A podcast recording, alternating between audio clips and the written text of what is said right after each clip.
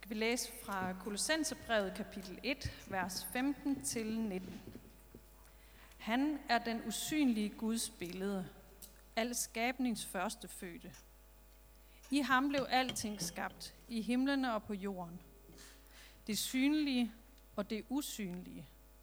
Troner og herskere, magter og myndigheder.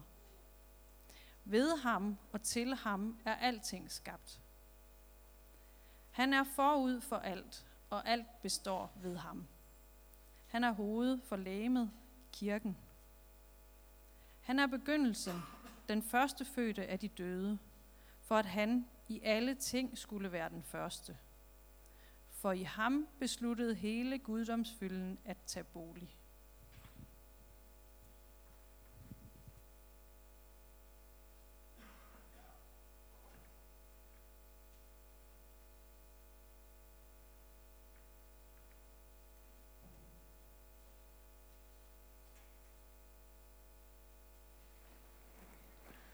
Lad os øh, bede.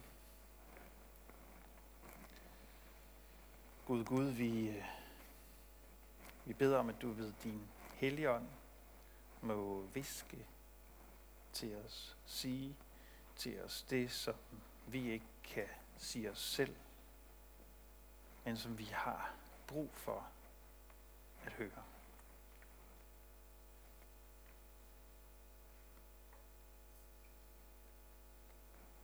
Vil du åbne vores hjerter og vores tanker for dit ord. Amen.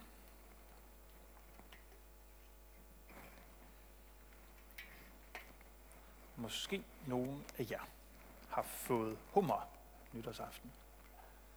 Hummeren, den her havets tornado, er en øh, udbredt øh, nytårsspise. Og øh, jeg lærte noget, øh, jeg læste noget nyt om hummer her forleden dag.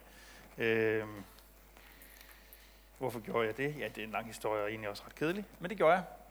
Det er sådan med hummer, at øh, de flere gange i løbet af deres øh, eksistens øh, skifter skal. Vi, vi ved godt, når vi skal spise en hummer, så skal vi bruge utrolig lang tid på at få fat på det, der er inde under skallen. Det er utrolig lidt, der er inde under skallen.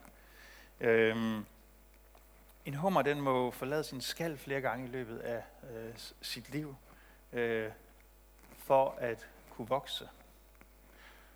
Og når den gør det, så forlader den den gamle skal, kravler så at sige ud af den, den løsnes, den slipper sit tag i den, og så kravler den ud af den gamle skal, før den nye skal er blevet til lige efter skalskiftet, så er hummeren meget, meget sårbar.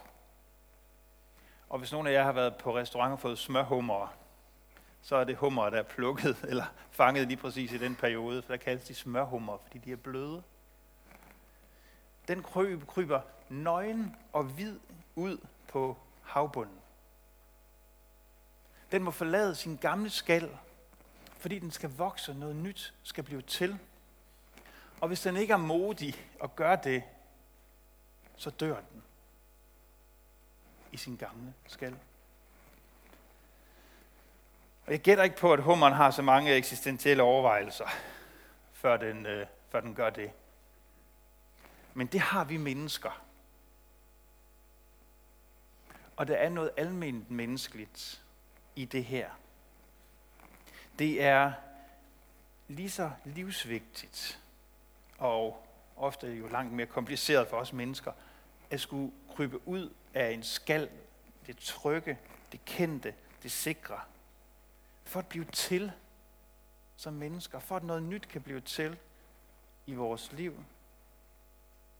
Det kan være svært, det kan være angstprovokerende, men vi dør, hvis vi ikke gør det. Og vi kender sikkert alle sammen mennesker, der er døde i skallen. Ja, okay. Tak fordi du fangede den, det gjorde jeg ikke engang selv. Før den ligesom var røget ud over kanten. Nå, mennesker, der på et eller andet tidspunkt mistet modet. Mennesker, der på et eller andet tidspunkt mistede nysgerrigheden.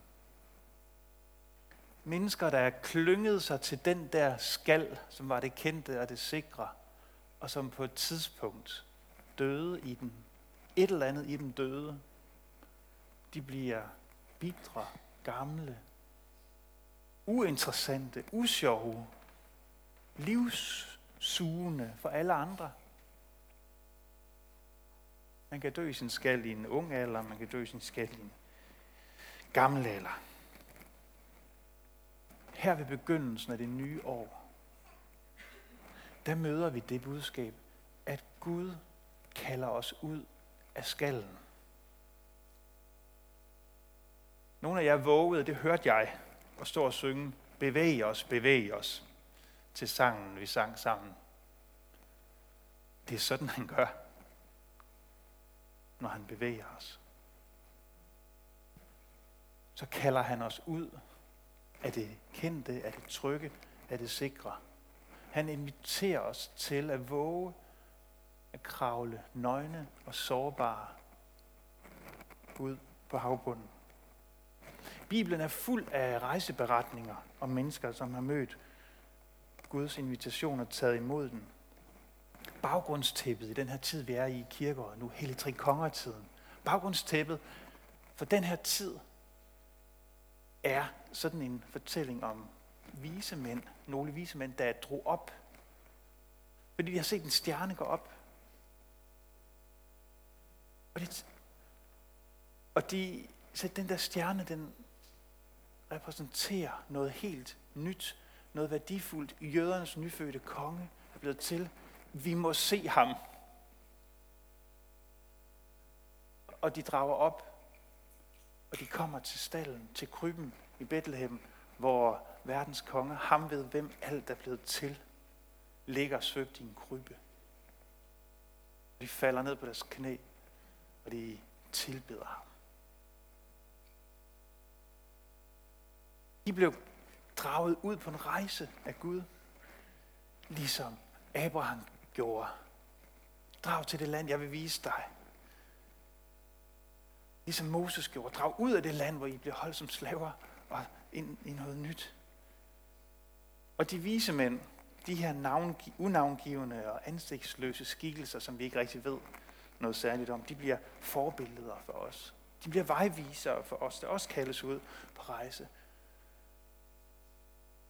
Den vigtigste rejse, vi nogensinde kommer til at foretage, er rejsen mod det barn, der er altings begyndelse. Ham, som viser os, hvem Gud er. Du kommer ikke i dit liv til at foretage nogen vigtig rejse, når du drager op for at møde ham.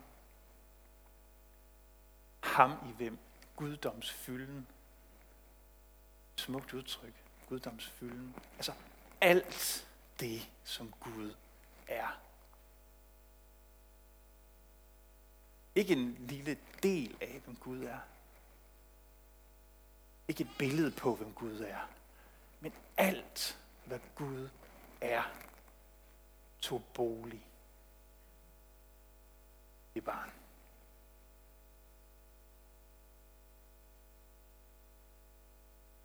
Og når vi finder ham, når vi knæler ned foran ham, så er vores rejser ikke forbi, de er kun lige begyndt. De vise mænd, de må drage bort i hemmelighed. Josef, Jesus' far, måtte flygte til Ægypten. Bethlehem, hvor Jesus blev født, blev scenen for et barnemor så grusomt, at frygteligheden af det giver eko endnu. Og da det her barn i krybben blev voksen, så gik han omkring, og han kaldte på mennesker, der havde lukket sig inde i sig selv, og ikke turde at komme ud. Og han sagde til dem, kom ud, bliv til, tur.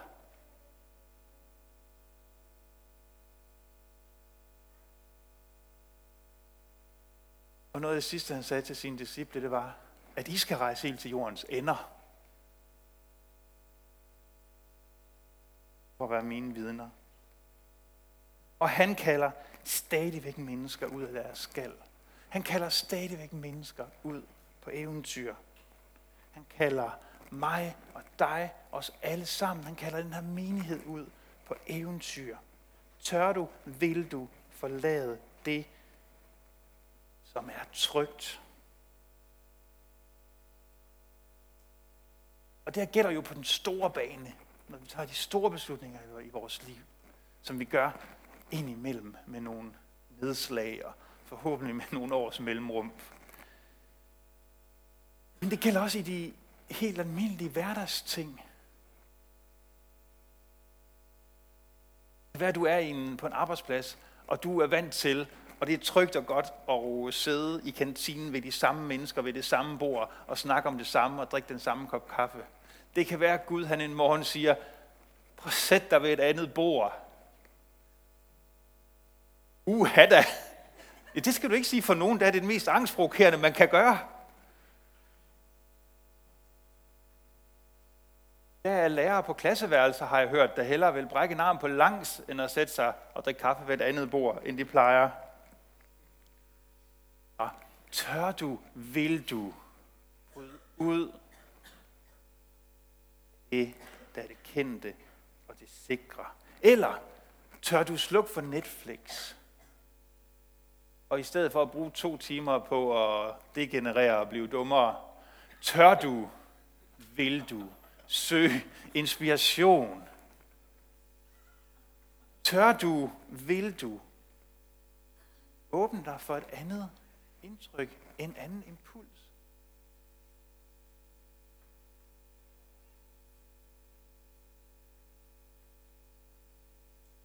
Man skal nok ikke kende mig særlig godt, før man har en fornemmelse af, at fortællingen om Hobbiten er et af de store øh, rejsefortællinger i mit liv. Og øh, i, de her, i det her nytår, dagene op til nytår, der har, vi, har, har jeg set øh, sammen med min familie de tre film om Hobbiten. Den her lille elskelige størrelse, som øh, bliver inviteret ud på et eventyr, som egentlig er alt for stort. Hobbiten er sådan en figur, jeg rigtig godt kan identificere mig med. Han sidder der efter morgenmaden, og øh, sidder uden for sin dør her. Vi skal se et, vi skal se et filmklip. Med en hobbit lige om lidt. Han sidder uden for sin dør. Han har lige spist øh, et godt måltid og sidder og venter på, at han bliver sulten, så han kan få et mere. Han ryger en pip tobak. Alt er fred og idyll. Kendt roligt og godt. Og så kommer der en øh, troldmand på besøg og inviterer ham ud på eventyr. Og vi skal lige se lidt af det her møde, som øh, Hobbiten Bilbo Baggins har med øh, Gandalf the Grey.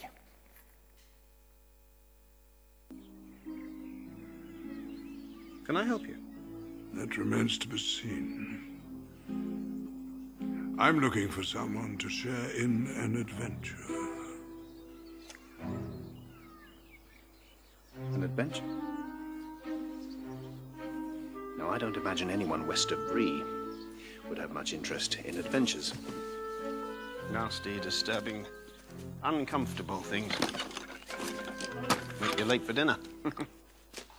mm.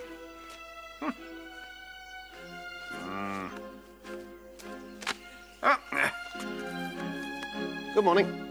To think that I should have lived to be good morning, my Belladonna Took's son, as if I were selling buttons at the door. Beg your pardon? You've changed, and not entirely for the better, Bilbo Baggins. I'm sorry, do I know you? Well, you know my name, Yeah. although you don't remember I belong to it. Og så kunne vi sidde sådan de næste par timer. Troldmanden kommer her til Bilbo Baggins, byder ham op til dans, men han skal ikke nyde noget af noget eventyr. Han er så dansk, den her lille hobbit. Han skal ikke nyde noget, han kunne jo risikere at komme for sent til næste måltid. Og han kunne risikere at blive flænset op af en drage, og han ved snart ikke, hvad der er værst. Så han, skal, han siger nej tak til Gandalf. Han sætter sig øh, ind igen, sætter sig godt til rette, og øh, så er det blevet tid til eftermiddags te, endelig. Og så banker det på døren, og der står en dværg, og dværgen kommer helt uindbudt ind og begynder at sætte sig til at spise hans mad, og den ene dværg efter den anden kommer ind, og forstyrrer hans idyll, og han er fuldstændig rundt på gulvet. Han rykker sig selv rundt i små cirkler, den her stakkels lille hobbit. Og de siger, du kan komme med os på eventyr, og det kan komme til at medføre flænsning og opsprætning og drageangreb. Men værst af alt er tanken om lange dage uden regelmæssige måltider. Bilbo var en blanding af to slægter. Sækker-slægten, Baggins-slægten, var den ene del af hans slægt. Der står om dem, folk regnede dem for at være yderst respektable. Ikke bare fordi de var rige, men også fordi de aldrig kastede sig ud i eventyr eller foretog sig noget uventet. Han havde også en mørk åre i sin slægtslinje. Han var også toker. Om dem siges det, at nogle af dem kunne finde på at drage på eventyr. De forsvandt i stilfærdighed, og familien dyssede det ned. Og Hobbiten er så historien om, hvordan en Bilbo Baggins kom ud for eventyr og gjorde sager højst uventede ting. Efter al sandsynlighed mistede han sin naboers respekt. Og så gengæld vandt han, skriver bogen. Nå ja, lad os nu se, om han overhovedet vandt noget til sidst. Jeg kan så godt kende, genkende det der i mig selv. En del Baggins, som kan lide trygheden, roen, regelmæssigheden, rigelige måltider, i fred og ro. Og så den der mørke, urolige år, som med en stemme kalder på eventyr, kalder til at drage op fra det kendte, gør det uventede. Og Bilbo Baggins sagde i første omgang nej, og så vågnede han morgenen efter, og dværgene var taget sted, og der var blevet for stille i huset. Eventyret var rejst fra hans dør, og pludselig, uden han egentlig selv helt ved hvorfor og hvordan, så er han sprunget op og løber efter dværgene. Han kommer så hovedkuls ud af døren, og det siger ikke så lidt for en hobbit, at han glemmer sit lomterklæde. Og jeg tænker, er det ikke sådan, oftest sådan, vi kommer afsted på vores eventyr? Lidt hovedkuls. Måske ikke fordi vi egentlig har lyst, men fordi vi er utrolig bange for at gå glip af noget, der kunne have været sjovt. Nu er det pludselig nu, uden nogen lang nedtælling, og vi glemmer et eller andet i farten, og vi får ikke lukket øh, døren eller slukket for kaffemaskinen. Sådan er det som regel i mit liv. Nogle af jer kan måske mest identificere jer med den ene del af slægtslinjen, og nogle af jer måske mest med den anden. Men nu står vi så her med et nyt år, som kalder på os. Nu står vi så her med Jesus, der kalder på os. Som er blevet født og kommet til verden, og guddoms fylden har taget bolig i ham. Han siger, drag op, rejs ud til mig. Vi kan miste folks respekt på den rejse, og vi kan også vinde vores liv. Men du er kaldt ud på eventyr sammen med ham. Hvad enten du skal have samme folkeregisteradresse fra du fødes til du dør, det er ikke det, det handler om. Så er du kaldt ud på et eventyr sammen med ham.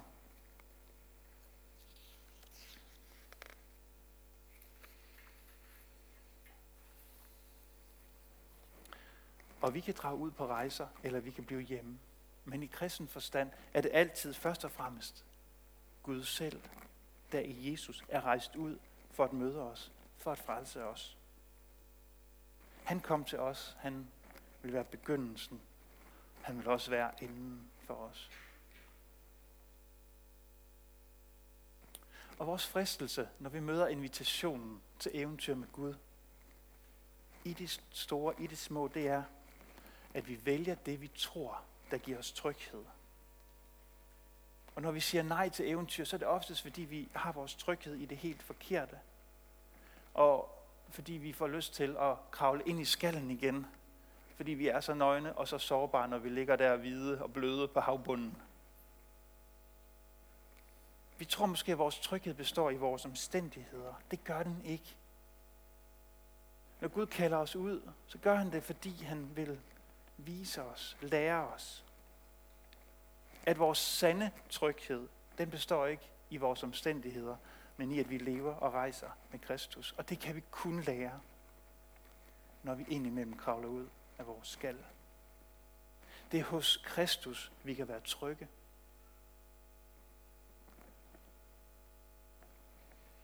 Det er, når vi er sammen med ham, vi kan være trygge. Jeg hørte om en præst, der flyttede øh, med sin familie ind i et øh, Øh, red light district i en øh, europæisk storby. Et øh, kvarter i byen, hvor der var masser af kriminalitet og luder og lommetyve, og det der er langt, langt værre. Og han blev spurgt, hvordan tør du bo der med din familie? Hvordan kan du gøre det, mod dine børn, de skal bo i sådan et urespektabelt kvarter? Og han sagde, jeg tror Gud han har kaldet os til at bo her. Og, jeg, så, og så tør jeg simpelthen ikke bo andre steder.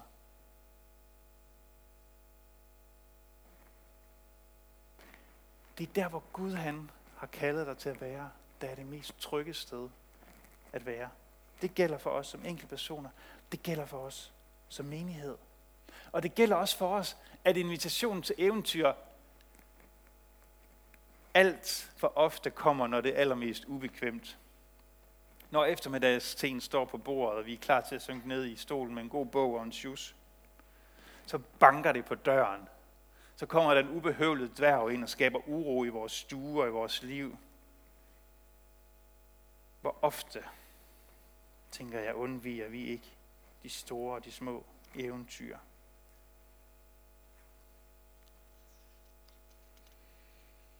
foran Gud, der kan du kravle ud i din skæld. Du kan være nøgen og sårbar. I det, som ligger foran dig i det nye år. I de små, store valg, som du skal træffe. Du kan kravle ud på havbunden, og du kan vide, at Kristus er hos dig. At han er med dig. At han aldrig vil slippe dig, at han aldrig vil forlade dig. At din tryghed ikke består i det panser, du kan bygge om, op om dig selv. At du i mødet med mennesker ikke behøver at finde din tryghed i det panser, vi kan bygge op om os selv og vores egen personlighed. Men at vi kan være nøgne og sårbare også for hinanden. Fordi han er med os. Så vores tryghed ikke er i vores omstændigheder, men i den Gud, som kalder på os. Inviterer os til at vokse i tro og tillid. Blive hele foran ham.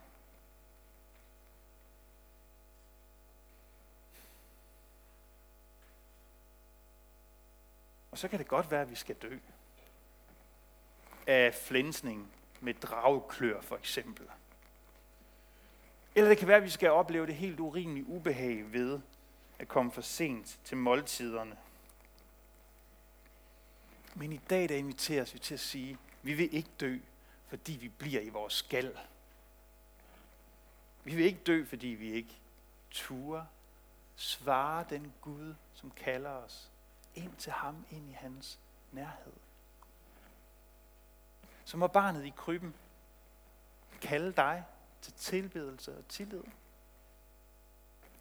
Må du være lydhør for de store og små eventyr, som Gud kalder dig ud på. Og vi som menighed, som Aalborg Valgmenighed, være lydhører for de eventyr, Gud kalder ud på. Må du være modig, når du over for dig selv, over for Gud, over for andre mennesker, når du skal krybe ud af din skal og vokse i tro og tillid må du altid drage ud for at finde ham, som for længst har fundet dig. Og må du finde din tryghed i ham, som i alle ting er den første. Ham, som har skabt dig til at høre til hos ham. Ham, som også er der, når du når til din ende. Fordi han selv gik til vejs ende, da han på korset opgav alle sine rettigheder og privilegier for din og min skyld ham, hvis stjerne er gået op, ligesom han selv stod op af graven, fordi vi i ham skal se den usynlige Guds billede og over det glæde og juble og fryde os. Over barnet kronet med herlighed og ære. Over barnet kronet med kors og skam. Over barnet opstået til liv og herlighed, for i al evighed at blive alt i alle. Amen.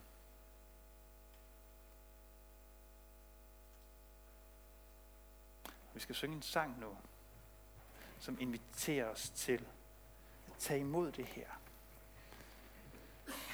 Sangen hedder Not in a Hurry, for, og vil du ikke lige introducere det, inden, inden I synger den? Tak.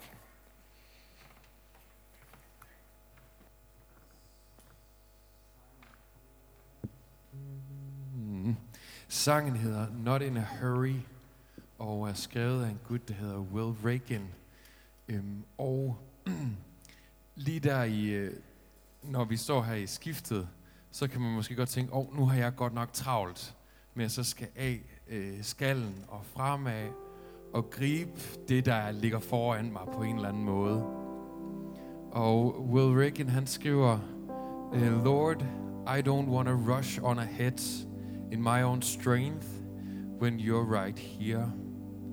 Så det er de sådan en bøn, så lige her, hvor jeg vil fremad, jeg vil skynde mig, jeg vil alt muligt, så vi vil have Gud med.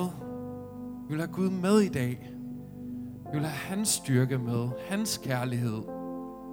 Så kan det godt være, at vi sætter os ved kaffebordet det andet sted i, på mandag. Og der vil vi have Gud med, hans styrke, hans kærlighed. Ja.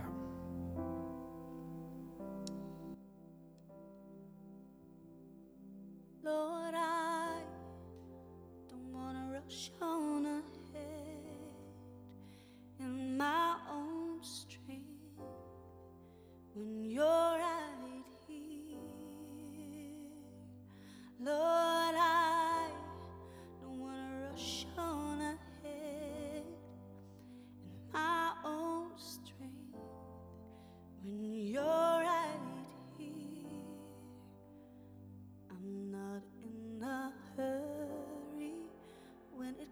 to your spirit, when it comes to your presence, when it comes to your voice.